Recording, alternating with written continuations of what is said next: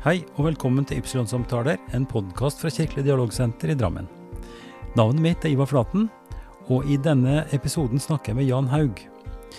Jan vokste opp på Toppenhaug og var en aktiv idrettsgutt. Da mor ble medlem i Jehovas vitner, kom det til å prege Jan på mange måter. Men da det fryktede Harmageddon, som lederne i Jehovas vitner hadde sagt skulle komme i 1975, uteble, skjønte han at noe var grunnleggende galt, og gikk ut av menigheten, som han nå kaller en sekt. I denne samtalen som vi hadde på Kristi himmelfartsdag, snakker vi om mye og mangt, og ikke minst om troen som har vært en sterk drivkraft gjennom Jans liv. Jan Haug, velkommen til mitt podkaststudio på Kristi himmelfartsdag. Takk skal du ha. Jeg syns det var spesielt fint å kunne komme på en himmelkurs eh, en slik dag. Ja, ja. veldig fint vær er det, og, og vi, eh, vi, har en, en fridag. Og, og, vi er ja, nesten naboer, og vi har kjent hverandre ganske lenge. Det har vi. Eh, og din historie, Jan, er, er, veldig spesiell, så jeg gleder meg til å ha denne samtalen. Fordi du, du har erfaringer med så mange sider av det som vi kan kalle trosforhold og menigheter. Men aller først har jeg lyst til at du skal fortelle litt om, om barndommen din. Hvor, eh, hvordan var det å vokse opp? Eh, hvordan var det i familien din? Og si litt om, om, starten, hvordan det var for Jan da han var liten gutt. Jeg vokste opp i Drammen. Mm -hmm. Toppenhaug. var et veldig godt miljø der oppe. Uh, drev veldig aktiv idrett, fotball, slalåm i slalåmbakken som nå er lagt ned pga. det var så mye skader her på ja, siden. Ja. Um, og hadde et veldig godt miljø. Men uh, jeg hadde en, en mor som, um, og hennes familie som da etter hvert hadde begynt å være interessert i Jehovas vitner. Ja. Uh, på ganske tidlig, mens jeg ble jo konfirmert. Konfirmert i kirka? Ja. Mm. Mm. Dale var min Ja, prost, gamle prost ja, Dale. Ja. Han var det. Eh, men eh, min far var veldig motstander av dette med Joas vitner, og jeg får si heldigvis ja. den gangen. Men, men la, oss, la, oss, høre litt mer om, om, om barndomstida di. Du, Det med idrett. Jeg har jo hørt rykter om at du var et råskinn på ski? Ja, vi kjørte en del slalåm. Jeg gjorde det. Og, og utfor? Ja, jeg, jeg, jeg ble tidlig begeistret for dette med hastighet, mm, fart, ja. og dette med kuler og ja, bratte ja. bakker og sånn. og Det ble liksom min greie. Og, så, så det, det, ble jeg interessert i. Og vi var der Enten så var jeg i Slandbakken, eller så, så, var vi på skøyter. Jeg, jeg, spilte også bandy. Mm. Og oppe på Kjappen, som var en liten plass Kjappen har jeg hørt om, men jeg vet ikke så veldig mye om det. Nei, Det er en liten plass som ligger oppe på høyden der oppe, og som vi sparket fotball om sommeren. og Vannet selv og spilte bandy og ja. hadde kamper mot uh, da steder rundt omkring. Og, og, i hele tatt så var det veldig aktivt idrettsmiljø, så, så, jeg var opptatt av det, mens broren min han dro mer på kafeer og drakk Coca-Cola. Så vi, vi Så du var, du var idrettsgutten? Men Ja, og så pluss var jeg, var jeg veldig opptatt av med kor, så jeg gikk i, i, i og, og, sang i Drammens guttekår. Og, og var der helt til jeg ble herrestemme. Ja. Mm, så jeg var eh, Men da har du sunget masse klassisk kirkerepertoar, da? Eh, jeg var veldig glad, i, opptatt av kla klassisk musikk. Ja. Min bror, han lå, hørte på Luxembourg. Ja. Mens jeg satt og var veldig opptatt av Beethoven. Så de mente at det var noe galt oppi hodet mitt. Om ikke likte eh, Luxembourg, men likte Beethoven. Så, og likedan har jeg vært alltid opptatt av kunst og, og sånne ting. Altså, ja, ja. Det, det, ligger nær til meg, og er vel også en av årsakene jeg har gått i den retningen jeg har, tror jeg. Mm, ja, uh, men, men, det er jo litt typisk, syns jeg, at, uh, at, du går så direkte på når du snakker om barndommen, barndommen din, om om den tilknytningen som din mor hadde til Jehovas vitner, og, og, det må ha betydd ganske mye for, for, deg de første åra. Det, har, det har prega deg mye? Eh, Eller? Jeg har alltid vært opptatt av tro. Mm. Ikke nødvendigvis Jehovas vitner. Konfirmasjon den betydde en god del for meg. Mm. Men så kom hun inn eh, i bildet og studerte sånn i hemmelighet, så ikke min far oppdaget det. Mhm. Men min far døde jo, han var 37 år. Ja. Mm. Og jeg var vel bare 17 år da han døde. Ja. Og da var veien ut av um, uh, den kristendommen som jeg opplevde hadde, den uh, gikk over til Joas vinner. ja. Så du ble engasjert der sjøl? Jeg ble veldig engasjert, og etter noen år så ble jeg vi, vi, vi ville si at misjonær, men jeg ble pioner, heter det. Deltidspioner, hvor jeg hadde 50 timer hver måned jeg måtte Men kan du ikke si litt for, for oss som ikke er så godt inne i det, hvordan dette er? Altså, eh, på hvilken praktisk måte eh, levde du ut i altså, moren din og familien din og du? Hvordan var det å være en, en del av Jehovas vitner? Lukket miljø. Veldig lukket miljø. Det Så var et sterkt, sterkt samhold, eller hvordan var det Det må jo ha vært noe positivt eller noe godt? Og ja, ja, selvfølgelig var det det til å begynne med. Eh, Men, men eh, når du går inn i en I ettertid vil jeg si en skikkelig sekt. Ja. Jeg så ikke det den gangen. eh, Så blir du veldig, veldig begeistra fordi du har funnet De kalte det sannheten. ja. Mm. Og sannheten var jo da basert på denne kunnskapen som var veldig viktig å følge retningslinjene som selskapet Vakttårnet hadde. De, de, de, de hadde jo skriftstedet, men de var på en måte delt opp slik at de eh, var i samsvar med det som var teologien til selskapet Vakttårnet. Man hadde ikke lov til å gå på utsiden der. og etter hvert så var det naturlig å legge seg på det, den planen som de hadde. Så det var veldig tydelige retningslinjer, tydelig ja. opplæring, Ja, eh, og, og det måtte vært Altså, du kom jo fra noe kunnskap om kristen tro, naturligvis, som konfirmant, eh, men ble, ble fascinert av det, ja. og ble en del av det fordi, ja fordi, fordi det var klare svar, fordi at det var tydelige retningslinjer. Hva, hva tenker du? Kla- eh, Klare svar. Ja, Ja, vi, had, vi hadde svarene. Eh, Man hadde jo flere møter hos Jehovas vinner hvor man ble drillet på å møte argumenter som man skulle ta gjennom å studere vakttårnet og få de riktige svarene. ja. Sånn spørsmål og svar-opplegg. Ja, hele, hele veien var det Mm. det. Mm. Hva, hva var de viktigste tingene, hvis du skal tenke tilbake? Hva var det som gjorde at du ble så fanga av det og, og opptatt av det og syntes det var fint? Det lå vel mer enn i ettertid trussel bak det. Ja vel? Eh, Vakttårnet er veldig på å vise at vi er veldig heldige som har fått rede på dette. For hvis vi ikke forholder oss eh, i riktig forståelse til vakttårnet her, så, så er det bare døden for de andre. Du hadde bilder i bladet hvor du så Forferdelig, vet du. men Du så eh, bulldosere kjørte mennesker av gårde. Harmageddon-slaget, det lå Ja, ja, rett ja. Mm. foran. 1975 var jo et årstall som etter hvert ble veldig fokus på, for da ville det eh, da ville Harmageddon komme, og da var det om å gjøre at vi var der eh, hvor selskapet Vakttårnet mente vi måtte være for å være sikre og overleve. Ja. Mm. Og, det, og, det, og det er jo en, en litt mer grafisk og konkret versjon av det som jeg også jeg opplevde i oppveksten, med, med sterk forkynnelse av himmel og helvete og, og frelse. Altså, du måtte være frelst, og du måtte markere det tydelig eh, for å ikke skulle gå fortapt. Ikke sant? Eh, og da er det jo bilder av eh, som en, Ikke så tydelig som du beskriver nå, men altså at det var en, en forferdelig ting.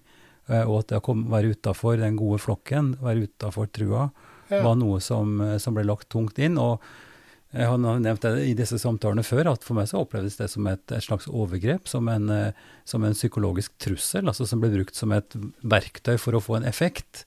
Altså at folk skulle komme fram på disse aksjonene ikke sant, og bøye kne, at det skulle få en effekt. Jo. Eh, så, så, det, så det er jo noe som altså Den doble utgangen som vi snakka om, for å bli veldig teologisk spesifikk, da, ikke sant? det fins forskjell på de som er troende, og de som ikke er troende. Og det er en forskjell som betyr noe. Eh, og i Jehovas vitner tydelig veldig, veldig mye oss og de utafor. Ja, I høyeste grad. Ja. For nå er du inne på en ganske spennende sak også, fordi eh, pinsevennene har stått, og står meg veldig nær. Men, men, men min eh, gudstjeneste er eh, veldig prega av dette med røtter. Mm. Tilbake til eh, slik som jødedommens gudstjeneste Ja, var, ja. med liturgi og lignende. Det det- har jeg funnet. Og, og da, da, da er pinsevennene og Jeg snakket en del med Børre Fevang, Ja. som også var inne på det, det samme du sier. Det var liksom ikke eh, akseptert det å, å gå utenfor det som, var, som man, man eh, mente var riktig. Og det var en som ringte meg og spurte om hvordan er det å være i teater, Jan? sier han. I teatret, sa han. Jeg vet jo ikke hvordan det. Det var en gammel mann som Ja, ringte. ja. Ja, for han, han skulle inn og se på Markusevangeliet. Ja. Ja, så for, har du aldri vært i teatret? Nei, det har vært synd, det. Ja. Ja. Men nå, nå måtte han vite så ikke han dumma seg ut når han gikk i teatret. Ja. En eldre pinsevenn. Uh, altså, vi kan ikke gå direkte dit nå, for det er så mye annet først. ja, ja, for uh. Eh, så, så jeg har lyst til å bare få litt mer tak i den utviklinga, fordi at du er jo en ildsjel. Jan. Du er en, en mann som går tungt inn i det du driver med, og du har et stort hjerte for ting. Og når, når du da fikk den starten du fikk, og var så aktiv, si litt mer om hva den aktiviteten din i Jehovas vitner besto i som en ung mann, eh, og framover mot det, mot det bruddet som kom. Men hva, hva, hva handla det om for deg? Å være en del av dette, denne sterke bevegelsen? Jeg syns jo veldig synd på mennesker som ikke hadde vært så heldig som jeg har vært, som hadde fått den kunnskapen som kunne redde meg ut av eh, denne faren for Harmageddon som Ja, var foran. Ja. Det var ønsket om å overbevise dem. Og jeg, jeg syns det var forferdelig å møte prester som hadde den kunnskapen som garantert var fortapt. Ja. Jeg syns det var fælt å møte ivrige kristne som, som var så totalt borte fra det som for meg var eh, riktig vei fram. ja. Mm. Så, så det, det var jo først og fremst det som dro meg, og som hadde ønske om eh, å eh, komme med og forkynne til de menneskene på dørene. Og, du var, og du var aktiv som misjonær, eller som pioner, eller hva du Ja, kalte det det, i mange år, år. ja, og det var jo derfor jeg eh, traff Grete også, min kone. Mm. eh, i Kristiansund, for vi dro ut da og fikk et oppdrag å, å være med å danne en menighet der i Kristiansund. Da. Mm. Så, og Så dere gikk jeg planta, på- dere planta en menighet av Jehovas vitner i Nei, det var, det var en menighet, men de, de trengte eh, noen som kunne være med på å aktivisere menigheten. Ja, ja, mm. Ved at vi gikk på dørene og kjørte på Averøya og Smøla og alle disse stedene med blader, og Ja. hadde noen som bodde på øyene og sånn. Altså, Så du var en av de som mange mange ganger gikk til ei dør og ringte på. Å ja. Eh, fortell hvordan du, hvordan, hva slags metode var det du brukte? Fikk du Nei, jeg hadde noen, jeg, jeg hadde noen, eh, noen for meg en favorittskriftsteder. Ja. Det, dette var om den, eh, Det positive var om det åpenbaring i 21. kapittel, om at det ikke skal være sk skri, sorg, skrik og pine dit du går. Mm. Så, så jeg var glad i å ta det. Jeg syns Mm. det var et eh, trøstens få. Og eh, lengtet etter å komme inn i den nye verden, som de kalte det. Som Ja. skulle være på jorden. ja. Mm. Mm. Så det, det, var det som var drivkraften min, egentlig. Og så var det å finne argumenter for å møte andre synspunkt. Mm. Men det var en, eh, en annen ting også som Jeg vet ikke om jeg går litt for raskt fram her nå, men det var en annen ting som, som jeg opplevde. Det var dette med Vi opplevde jo åndskrefter, men vi var livredde. Og dette med kors var noe vi som jeg skydde unna. Jeg kjente Hvorfor det? Hvorfor det? det var noen, noen krefter som ikke var gode, følte jeg. Ja. Eh, Men er ikke, er ikke korset viktig i Jehovas vitner? nei, tvert, nei, tvert imot. Jehovas du. tror ikke på at Kristus ble korsfestet. Nei. Ikke den gangen nå, vel, nå kan det ha skjedd mye, men de sier at han, han var satt på en staurus, altså en, en stake, for jødene korsfestet ikke. Aha. Men i ettertid så var det jo ikke jødene som korsfestet Jesus, det var jo romerne, og Ja, der var ja. jo kors til stede. Ja. Men det var veldig imot dette Ja, ok. med, med, med korset. Så, som har betydd det motsatt for meg senere. Ja, meg- ja. Men, men på et eller annet tidspunkt så ble det for mye for deg? Eller du, du, hva var det som gjorde at du ikke orka mer, eller ville mer, eller, eller tok avstand fra Jehovas vitner? For det skjedde jo på et tidspunkt. Det skjedde fordi um, dette med Harmageddon kom jo ikke i 1975. Aha. Mhm. Nettopp. Og Enten så, så lyver Gud, Mhm. eller så lyver Jehovas vitner. -hmm. Og så begynte jeg å, og da var det en periode hvor jeg fant ut Vi nærmet oss 1975, eller det gikk litt over. Jeg, jeg trodde at jeg hadde ikke noe sjans. Jeg ville dø. Jeg begynte som ung mann. Mm. Hvor gammel var du da, Jan? 75? Ja, hvor gammel var jeg? Jeg var en 19 år. 19-20 år. Jeg begynte å se Ja, ja, tross alt, jeg hadde et godt liv. Mm. Eh, men jeg, jeg, jeg, ikke, jeg har ikke nubbesjanse hos Jehovas venner Vi hadde unger. Vi har fått barn. Ja, jeg var noen og 20 år. Og eh, vi begynte å, å, å, fjerne oss fra Jehovas venner, for vi syntes at eh, det var så destruktivt. Og ungene begynte, gikk på møtene, mens ikke vi. Men vi kjørte dem, for vi tenkte om vi får jo redde ungene og ikke oss. For det, vi, vi skjønte Så dere var helt inne i den tanken fortsatt? ja, at dette kom ja, til å skje? Ja, ja, jeg var sikker på at jeg ville dø. Eh, så eh, gikk det en periode. Men, men du hadde vært misjonær, du hadde stått i det, du hadde gått på dører. Hvorfor skulle du det? Hva, hva var greia, liksom? Det var fordi vi begynte å se litt utenfor der vi ikke hadde lov å se, som vitner eh, sa. Dere gikk mot reglene? Ja. Og begynte å lese litt mer. Ja. Jeg begynte å stille sånne småspørsmål, men det viktigste var vel dette med at det stemte ikke med, med 1975. Ja.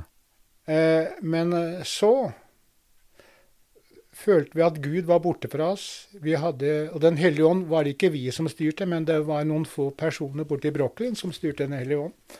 Vi hadde ingenting med det å gjøre. Så derfor var vi helt avhengig av å følge Den hellige ånd som sto som formulerte ordene i eh, litteraturen til Jehovas vitner. Ja. Og Men dette er jo dette er ganske, spes, ganske spissfindig, eller, eller vans, vanskelig å skjønne. Ja, det for, for, for det helt konkrete var 75 kom, ingen Harmageddon. Hva er greia her? Hva er det de driver med? Hva er det vi driver med? Og hva, hva, hva skjedde med dere med deg og, og Grete da? ja, jo, så, så begynte vi å studere om dette. Men du jobba samtidig? Eller? Ja, ja, men da var jeg ikke Jeg var jo ikke pioner, jeg gikk ikke på møte, jeg var passiv. Jeg jo, men jeg hadde- tenker på jobben din. Hva du fikk tjent, tjente dere penger på? ja, jeg, jeg, Utdanning og så jeg, videre? jobbet, jeg jobbet øh, Jeg begynte på, på Adax, og, jeg, jeg hadde jo en far som hadde drevet et stort firma som det gikk galt med fordi han var død, 37 år gammel. Ja. Og noen skulle ta vare på det, og jeg skulle overta firmaet. Det, var- det var jo det var ingenting igjen etter det. Så, så vi, vi sto på bar bakke. Ja. mhm. Um, og så jeg fikk meg eh, noen jobb bl.a. på Adax i Svelvik, hvor jeg, Ja, ja. Hadde, jeg hadde god innsikt i dette med elektriske ting. Så jeg var med på laboratoriet og bygde Mixmaster og forskjellig der. Var med og bygde opp det.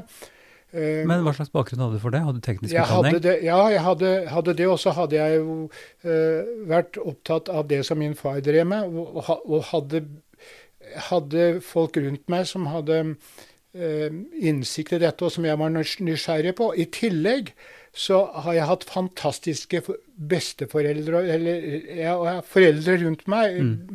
Min, jeg, min mor heter jo Kollen, og de hadde et sted oppe på Konnerud. Min bestefar var bygartner, og jeg var jo opptatt av dette som hadde med røtter der, og drev ja, det gårdsbruk. Og, så, så Ja. jeg var opptatt av praktiske ting. Så du jobba med praktisk og med hendene. Ja, men elektronikk er jo spesifikt. Eh, Hadde Nei, elekt elektronikk har ikke jeg noe særlig flink til. Nei, men bygge miksmaster og greier? Altså, ja, det er bygge opp motor og elektriske motorer og sånn. det Ja. Ja. Ja, så det, og så etter hvert så, så var jeg så heldig og Men Nå kommer det noe spennende. Ja. Jehovas vitner skulle ikke ha utdannelse. Nei? Eh, det er ikke bra utdannelse. Min datter ville ta gymnaset, og hun fikk bråk med Jehovas vitner hvor hun ville ha det. Og det hva, var det Vi, hva, hva er grunnen til det, tror du? Eh, Grunnen er jo at hvis du begynner å få utdannelse, så begynner du å lære om mekanismer, hvordan folk eh, driver og manipulerer med deg. og, og, og tatt, Det er ikke så lett å kjøre en inn i en nisje når han begynner å få utvidet sin eh, kunnskap Nei. og høre om Nei. dette med sektor og lignende. Så det, jeg mener det, selv om, selv om sel, selskapet Vakterne skrev at det er så kort tid igjen at Ja, man behøver ikke utdannelse, det er bedre å gå på feltet. Men Ja. det var noe for å dekke unna av eh, Men, men den kunnskap. tanken den finnes jo faktisk også i Bibelen. ikke sant? De første kristne mente jo det at Kristus kom fort tilbake. Det har de alltid gjort gjennom alle tider, ja, ja. egentlig. Men Så- ikke så ekstremt. Ikke så ekstremt, men så det er en- det er en gjenkjennbar tanke. Ja. Ikke sant? At noen vil si at nei, det er ikke så viktig hva vi driver med her nå, fordi at Jesus skal komme tilbake. Så, eh, og, det kan gjelde ganske mange ting. ja. Men det er jo ekstremt det å ikke skulle få utdanne seg. Det må jo, det må jo ja, være det har, det har nesten ikke utdannelse. Og, og nå, nå kommer noe ganske interessant. Mm. Fordi det, det, det som mange drev med, det var vinduspuss. Mhm. Den utdannelsen og det, det jeg kunne, Ja. det, da var det bedre å pusse vinduer, for du tjente veldig godt som vinduspusser den gangen. Ja. Eh, men hadde småjobber. Ja. ja. Eh, men så var jeg så heldig at jeg var inne og tok en liten jobb på Freia. ja. Ja, Det er et eventyr av en historie. Ja, det er et eventyr. Og jeg hadde teknisk peiling. Jeg hadde jobbet med 220 volt. Mm. Jeg hadde reparert elektriske maskiner. Mm. Og jeg hadde hatt en far som hadde drevet med bulldoser og lignende, og jeg hadde vært og hjulpet til litt der. Mm. Og når jeg kom inn på Freia, så viste det seg at oi, han, han, denne karen her kan noe langt med å pusse vinduer. Så jeg var med i prosessen fra Freia drev eh, på gammeldags måte og produserte sjokolade. Og jeg fikk eh, jobbe ved å, å bruke kunnskapen min og bruke høytrykk, gå ned i tanker og være sammen med ingeniørene. og for jeg hadde en veldig kreativ eh, evne som jeg fikk utnyttet. Så, så jeg, jeg var med på prosesser overalt. Mm. Men, men jeg, jeg ble aldri ansatt på Freia fordi jeg gikk ned i tanker. Og jeg hadde drevet med dykking, så jeg hadde ikke klaustrofobi. Og jeg gikk inn med 200 kilos trykk på sprøyte med 80 varmegrader. og det var vel ikke lov for mennesker å gjøre, men i og med jeg drev for meg selv, så, så fikk jeg lov til å gjøre det. Så du var kjøpt inn som konsulent på en måte, hadde oppdrag, eh, men det var år etter år etter år? År etter var 16 år. Ja. Men det å Da være, var- det å være vinduspusser, det, da forestiller jeg meg at du, du kan henge utafor bygninger og heise ned, altså rappellere på en måte, sitte på, på sånne Ja, ikke så mye den gangen. Vi brukte lift, vi. Nei, fordi at når du skulle heise deg inn i disse gigantiske stålkjelene på Freia, sjokoladekjelene, Ja. så måtte du jo eh, heise deg inn, rappellere deg inn med tau. ja. for jeg hadde, jeg hadde, klat, jeg hadde klatrekurs. Mm. Og jeg, jeg husker jeg, jeg, måtte, jeg måtte lære å stole på tauet. Ja. Så jeg gikk inn i den høyeste fabrikken som var, og bandt tauet opp i taket, og så heiste jeg meg ned der. Og der kom driftsdirektøren og sa Haug, hva er det du driver med? Nei, jeg driver og trener på tau. Jeg kan du ikke bruke trappa? Å ja, det har jeg glemt. Jeg gitt, sa jeg, så forsvant det. Så det var noen sånn moro ting der, da.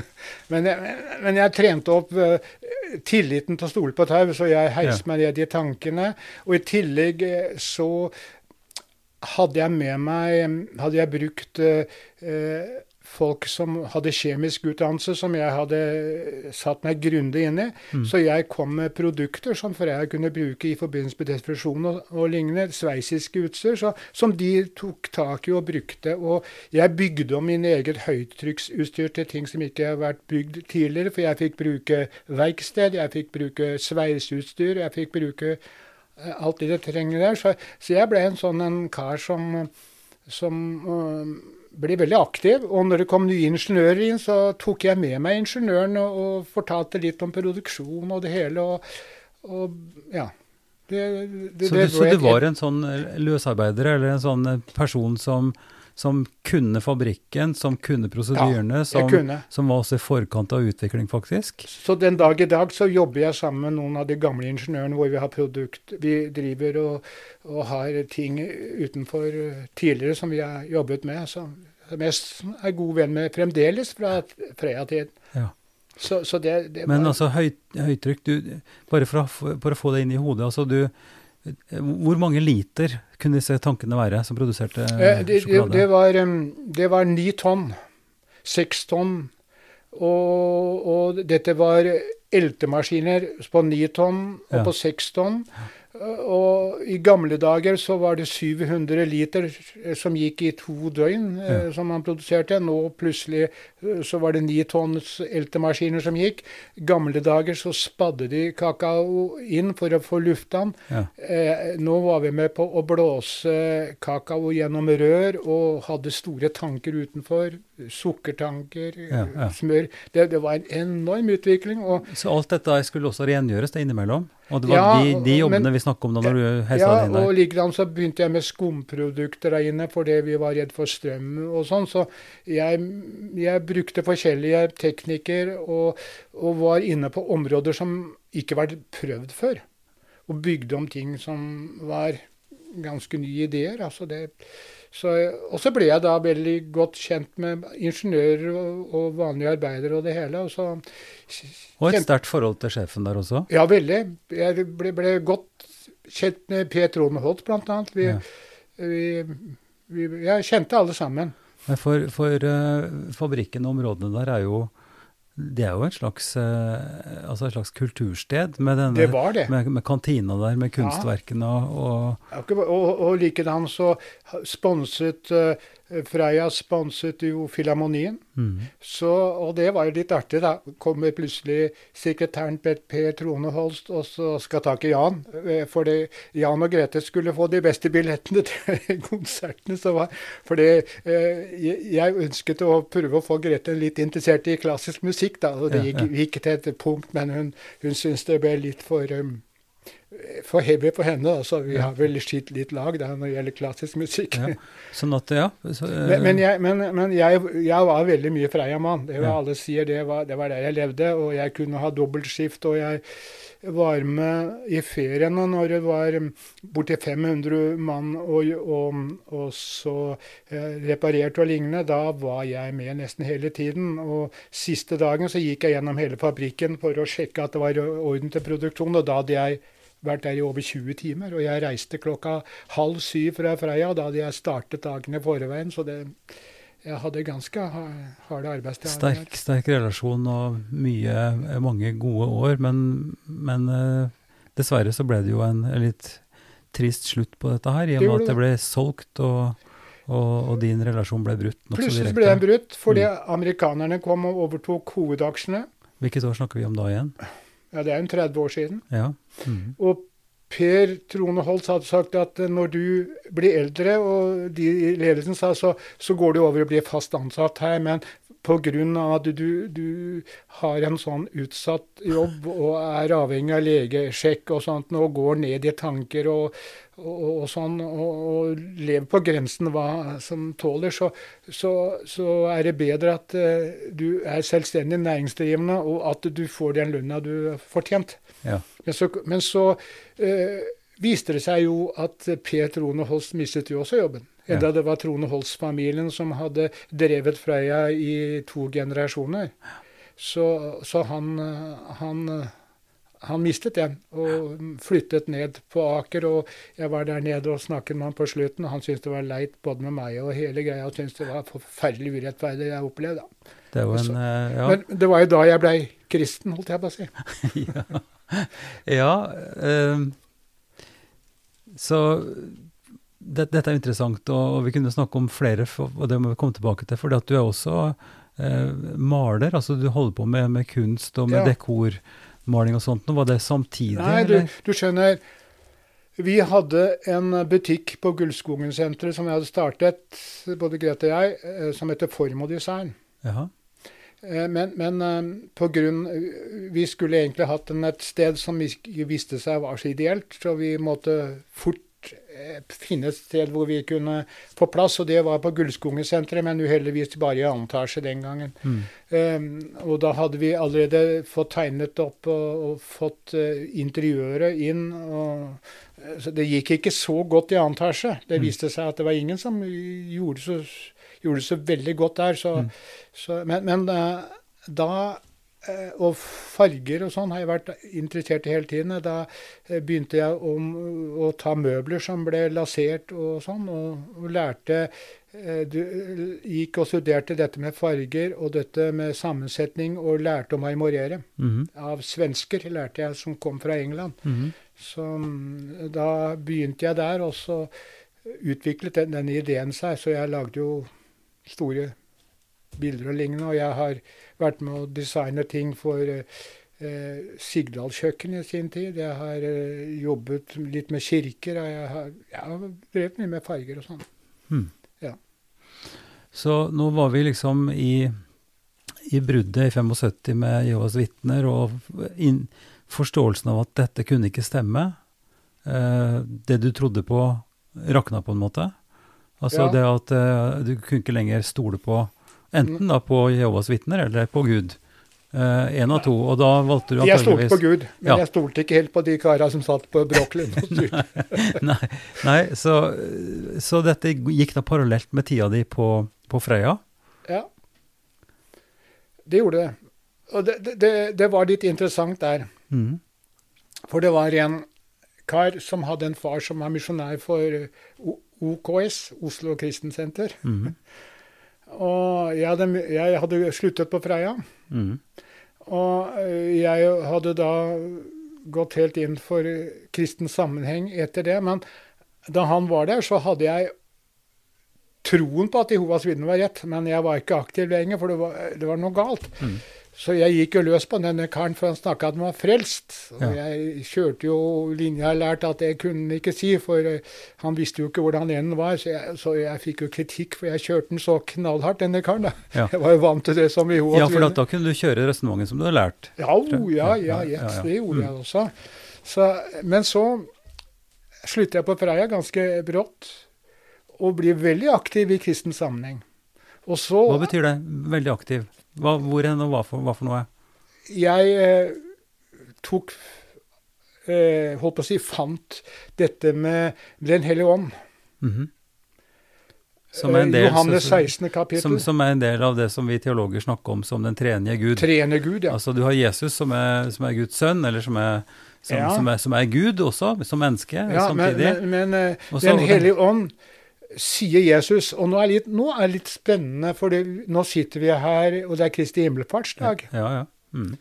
Og så sier Jesus i Johannes 16. kapittel det er en fordel at jeg går bort, sier han. Så tenkte jeg meg selv her sitter Guds sønn. Og så sier han med det fantastiske muligheten han har på jorden, at det er en fordel jeg går bort. Mm. Tenk om skulle si, du skulle si at jeg har en jobb, men nå skal jeg reise til Amerika. Det er veldig bra. Altså, Det, det stemmer jo ikke, dette. Nei, nei, Men det sa Jesus. Ja. Og så sier han kan du spørre hvorfor sa han det? Jo, for hvis det ikke går bort, så kan jeg ikke sende talsmannen Den hellige ånd til deg. Men når han kommer, Mm. skal han ta av det som er mitt, og forkynne. Og her er noe interessant, Mm. fordi Jehovas vinner lærer at Den hellige ånd er bare en kraft fra Gud. Som Mm. rad, når du hører på radioen, når du slår på radioen, så, så, så begynner ikke radioen å tenke ut noe selv. Mm, Den bare formidler tanker Ja, sånn, ja, direkte fra Ja, mikrofonen som du sitter foran nå. Sånn var jo ikke det. Den Mm. hellige ånd var et selvstendig individ. Han skulle ikke ta av seg selv. Mm. Det stemte jo ikke med Jehovas vitner i det hele tatt. Mm. Og når vi begynte å lære om det, så forandret hele synet. Mhm. Veldig fort. Mhm. For da begynte vi å, å lese om Jesus Kristus. Og så er det dette med Den hellige ånd. Og hvis du Nå kan jeg kanskje ta begivenhetene litt lenger tilbake, som etter hvert kom veldig fort. Det står i Johannes 10. kapittel om at Jesus er døren. Mhm. Og så er det et, et, et godt bilde som du har sett eh, om, om denne døren. mm. Jesus er døren inn til Gud, ikke sant? Mm. Uh, det er et maleri hvor Jesus står utenfor en dør, men det er ikke noe klinke der. Mm. Vi er på innersiden. Mhm. Og jeg- jeg forestilte meg at uh, den klinka som er på innersiden, det er Den hellige ånd. Ja. Det er Den hellige ånd. Ja, ja. Altså, og her er den treenige Gud.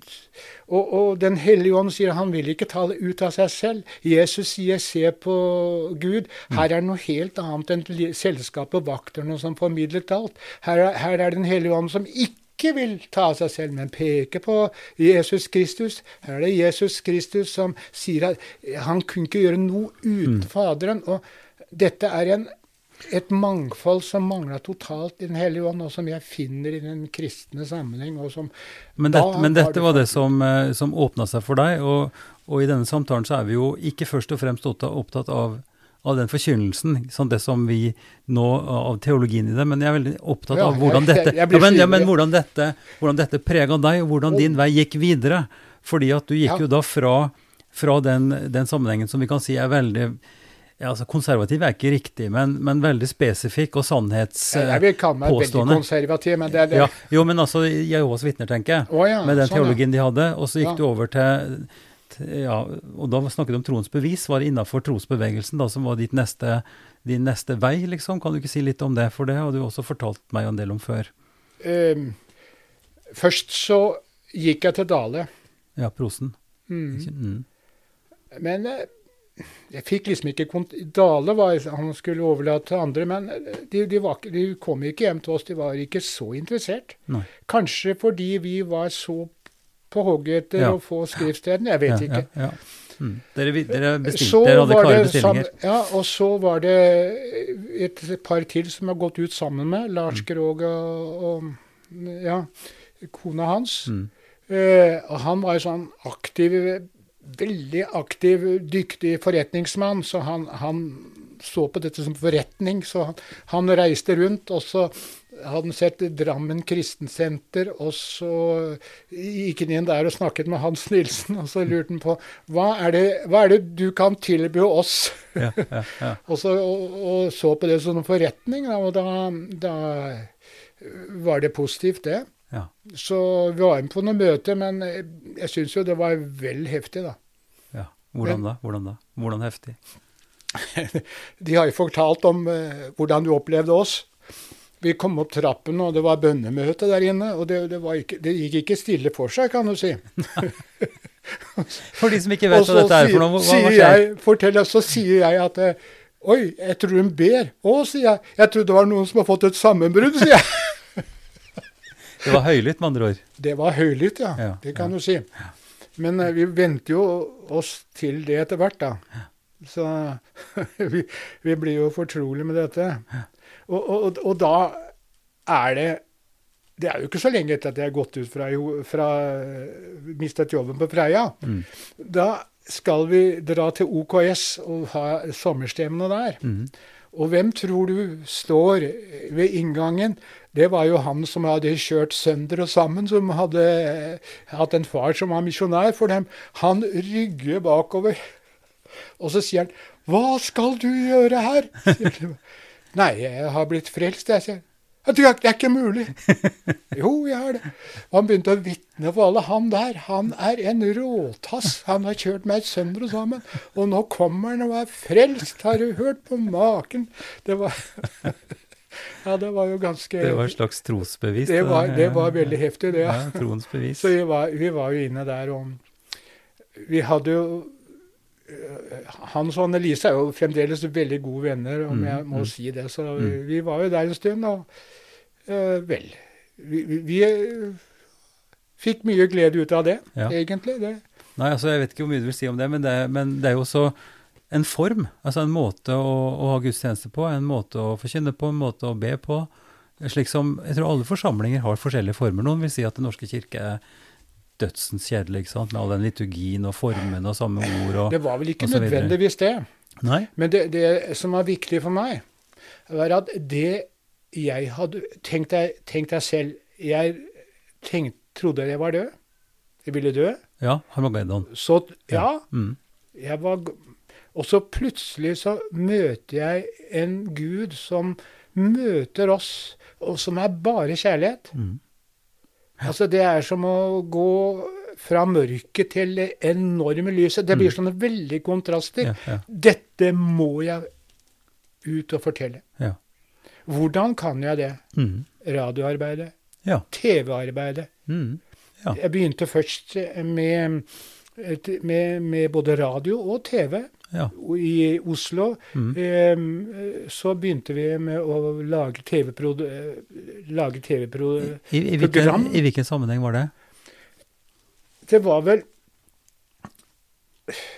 noe à la det samme som Jan Hanvolden holdt på i dag.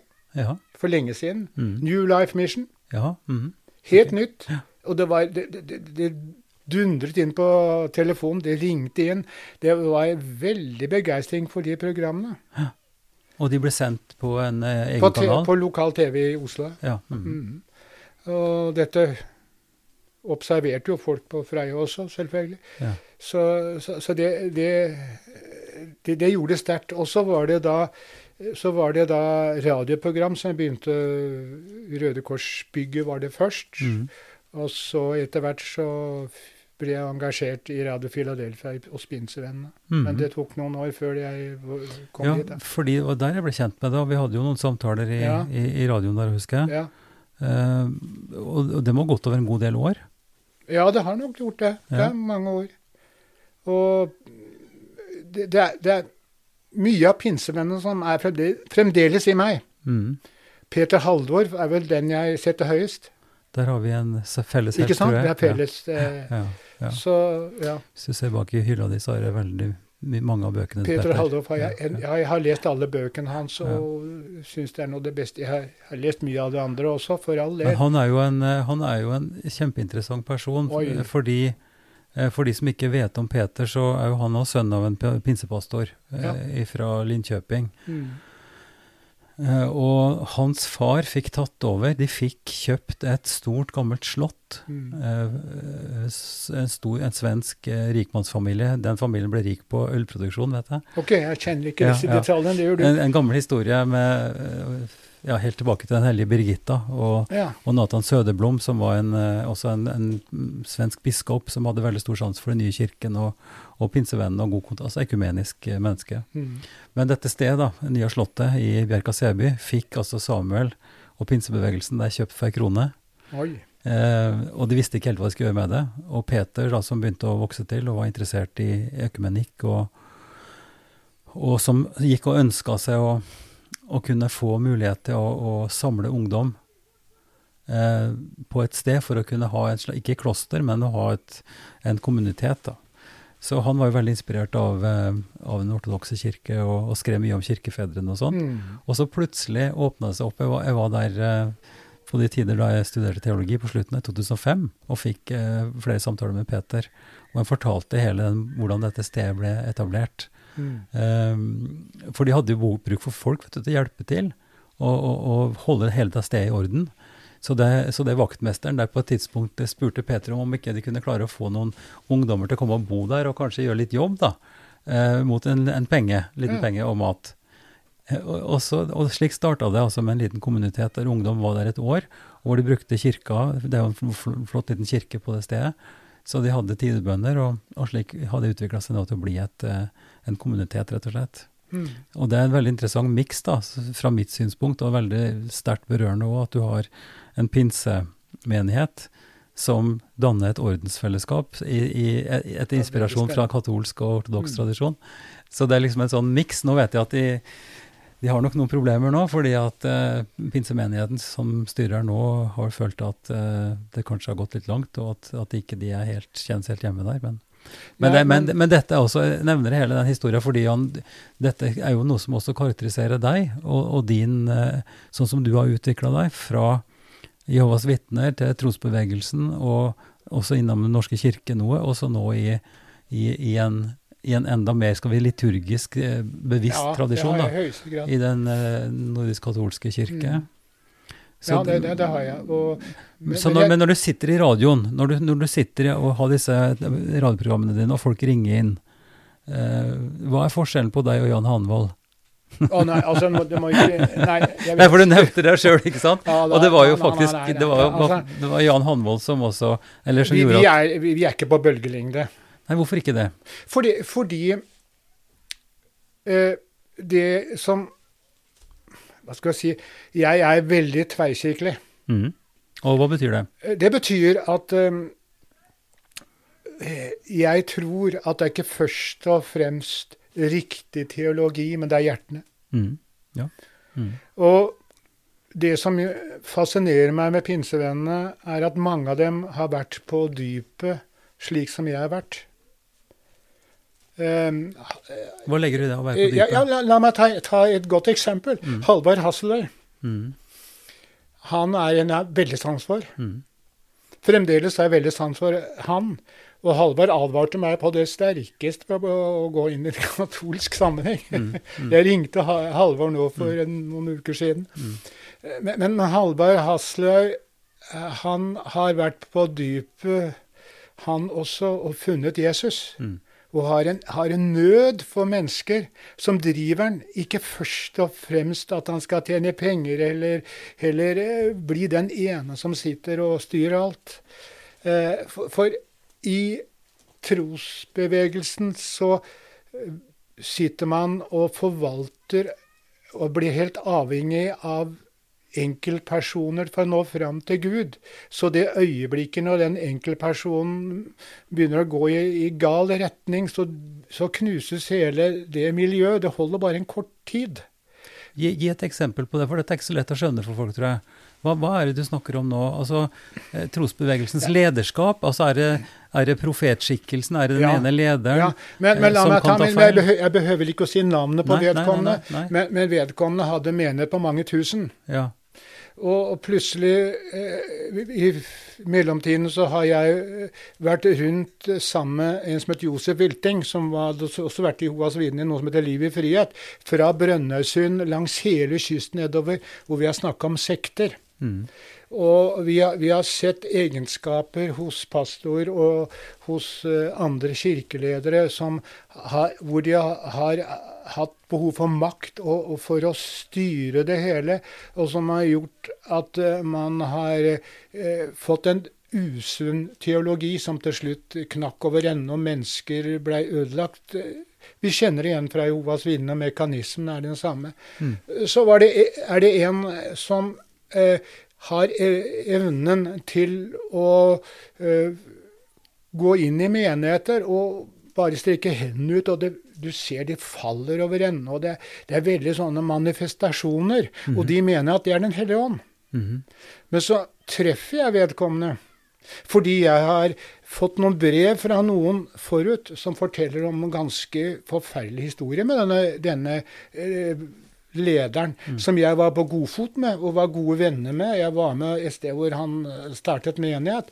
Og så tar jeg opp dette med Grete sitter siden av meg hører, så sier jeg at jeg har fått eh, snakket med noen som har tatt kontakt med meg fordi jeg er i en organisasjon som heter Liv i frihet, og har vært rundt i diverse menigheter, og vi styrer media og har vært eh, overalt.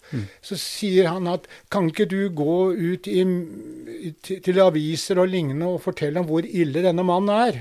Og det, det var mye ille han hadde å fortelle. Så sier jeg det til vedkommende. Hva, hva skal jeg si? sier jeg til eh, vedkommende. Du skal si, sier han, at Den hellige ånd har sagt til deg og, sånn og sånn, og da er, vi, da er vi ferdig med den problemet der. Og Grete av, så sier jeg det kan jeg ikke gjøre. Den hellige ånd har aldri sagt det til meg. Nei. Hva skal jeg si til dette? Mm. Og da blir jeg skeptisk. Mm. Da blir jeg skeptisk til han. Mm.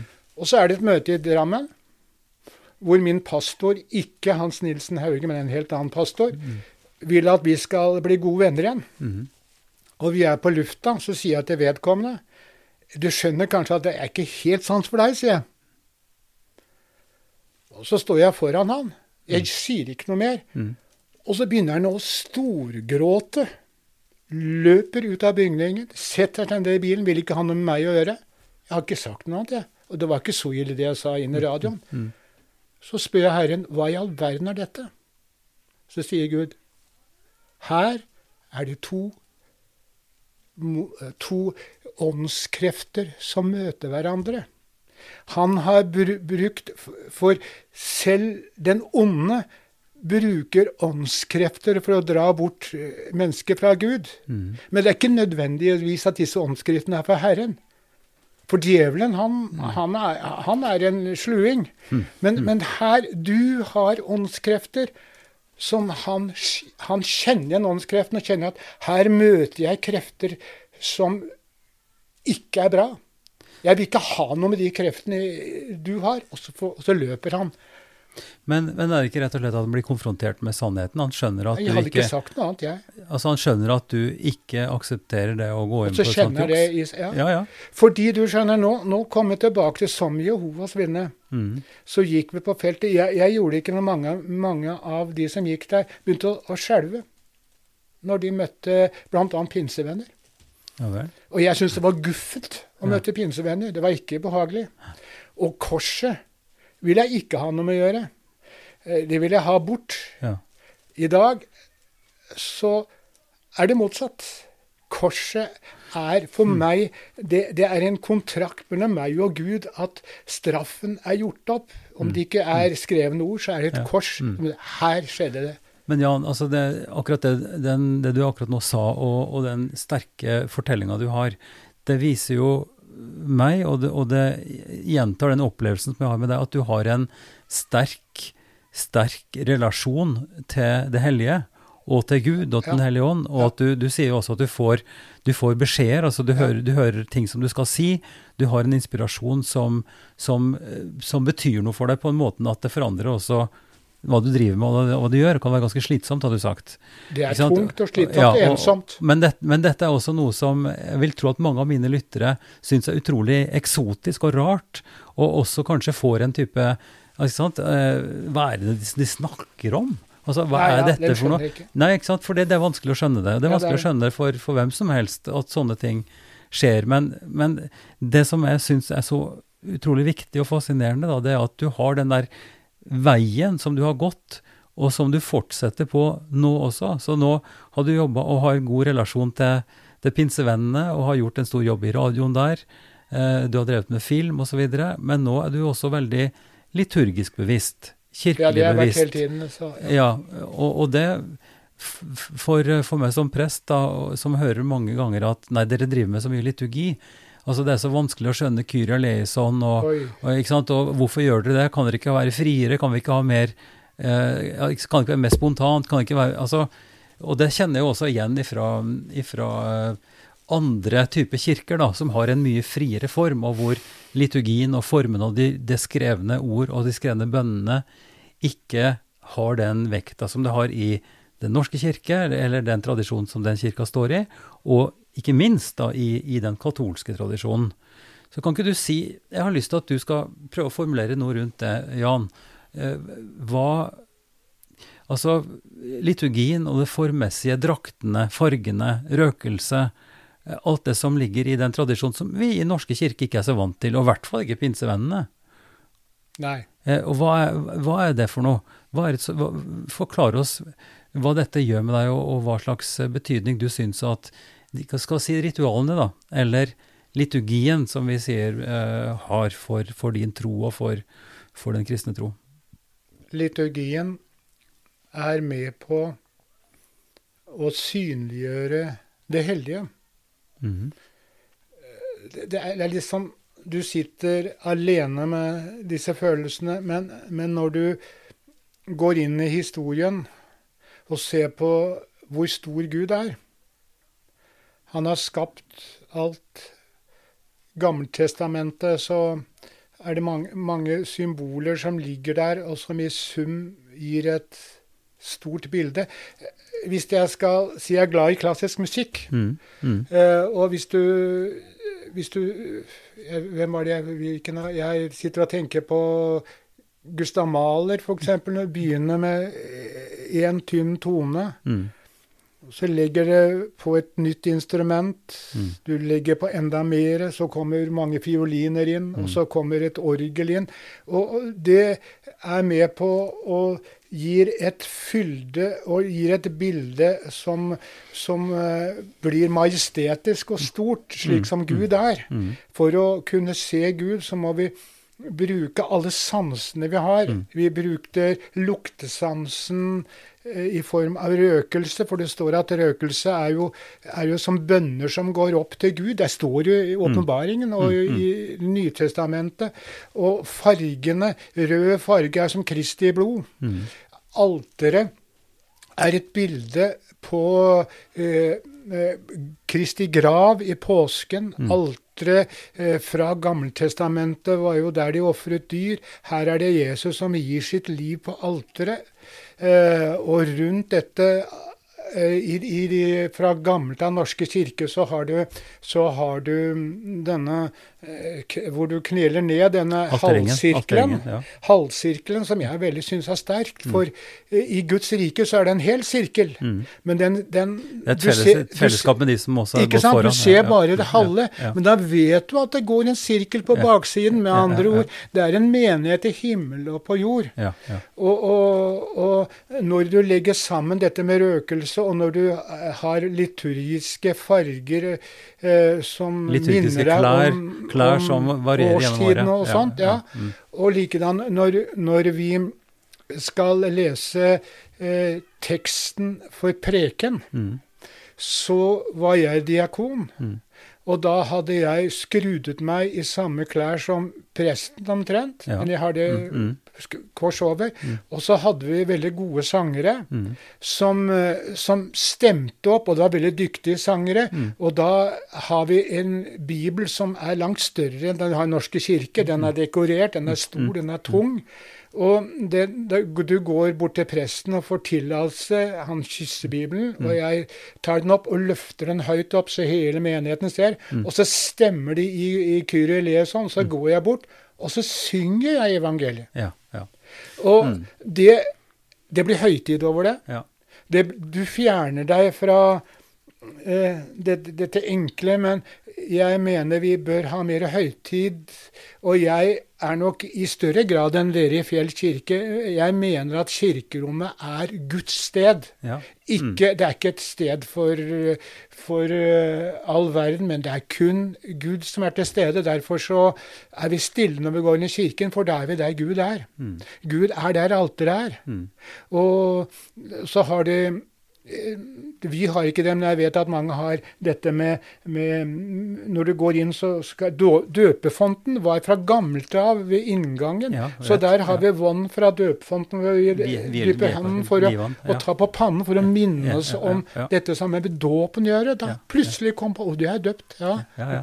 Og så stenker vi Men Jan, eh, det er så fascinerende, fordi eh, nå, nå, har vi åpna et helt nytt kapittel, og vi har, timen har snart gått. Det, det, som Oi. Ja, ikke sant. Oi. For, for, det går veldig fort. Kan vi ikke men, ta en time til? jo, det kunne vi gjort, og det får vi ta en annen gang. Men, ja. men poenget med å, når du nå er inne og snakker om liturgien, så snakker vi om et symbolspråk ja. og, og, en slags lek. En mm. slags synliggjøring av det hellige. Ja. At vi går inn og, og, og, gjør noe som løfter mm. oss, og som gir oss en ny følelse, kanskje, og en ny innblikk også, og en ny, en ny virkelighet. Det som skjer i messen. Hellig, ja, noe hellig, som blir løftet opp fra hverdagen. Ja, Eh, og, og, dette er det med klærne, det med lukt, det med hva vi gjør, gestene våre, ja. at vi bøyer oss. Eh, alt dette her er med på å fokusere oss og gi oss Kan gjerne eh, si at det er en form for teater. Ja, det er ikke noe galt ja, å si nei, det. det du spiller ja, fram alt. Uh, så denne, denne, samtalen vår, denne episoden av Ypsilon-samtaler, ble jo veldig passende på en Kristi himmelfartsdag, hvor vi har snakka mye om tro, om ditt, din vei gjennom, gjennom, uh, gjennom tro og fra fra et samfunn og til et annet, og hvor du liksom lever som Jan midt oppi det hele og, og tar, tar, ting inn og er fremdeles på reise, vil jeg si. Ja, Får jeg bare lov til å avslutte? ja, går de på det? Ja, ja. Jeg begynte med å si at vi sitter her eh, Kristi himmelfart, og det Jesus sa det er mm. fordel at jeg går bort. Mm. Vi har Den hellige ånd. Mm. Det har vi fremdeles. Mm. Jesus han er her gjennom Den hellige ånd. Ja. Og jeg vil også si det enda videre enn det, for jeg sier at i alt det som er uttrykk for kjærlighet og for, for omsorg, for, for, medmenneskelighet, for alt det gode som skjer, der ser jeg at Guds gode Hellige Ånd fins i ja. skapelsen, i opprettholdelsen av livet, at vi faktisk lever fra dag til dag.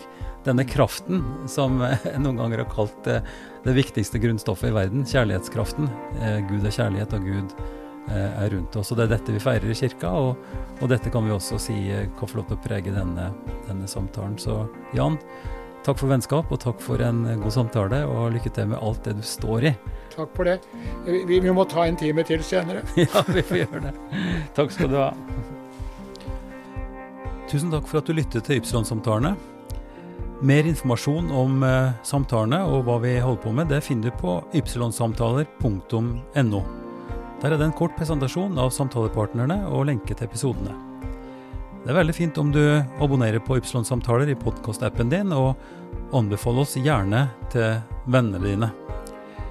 Vi er veldig glad for tilbakemelding og forslag som du kan sende til, til meg til Ivar krøllalfa kirkeligdialogsenter.no. Denne podkasten er støtta av Drammen kommune, Barne- og familiedepartementet og Einar Juels legat. Ansvarlig utgiver er Kirkelig dialogsenter i Drammen ved daglig leder Ivar Flaten.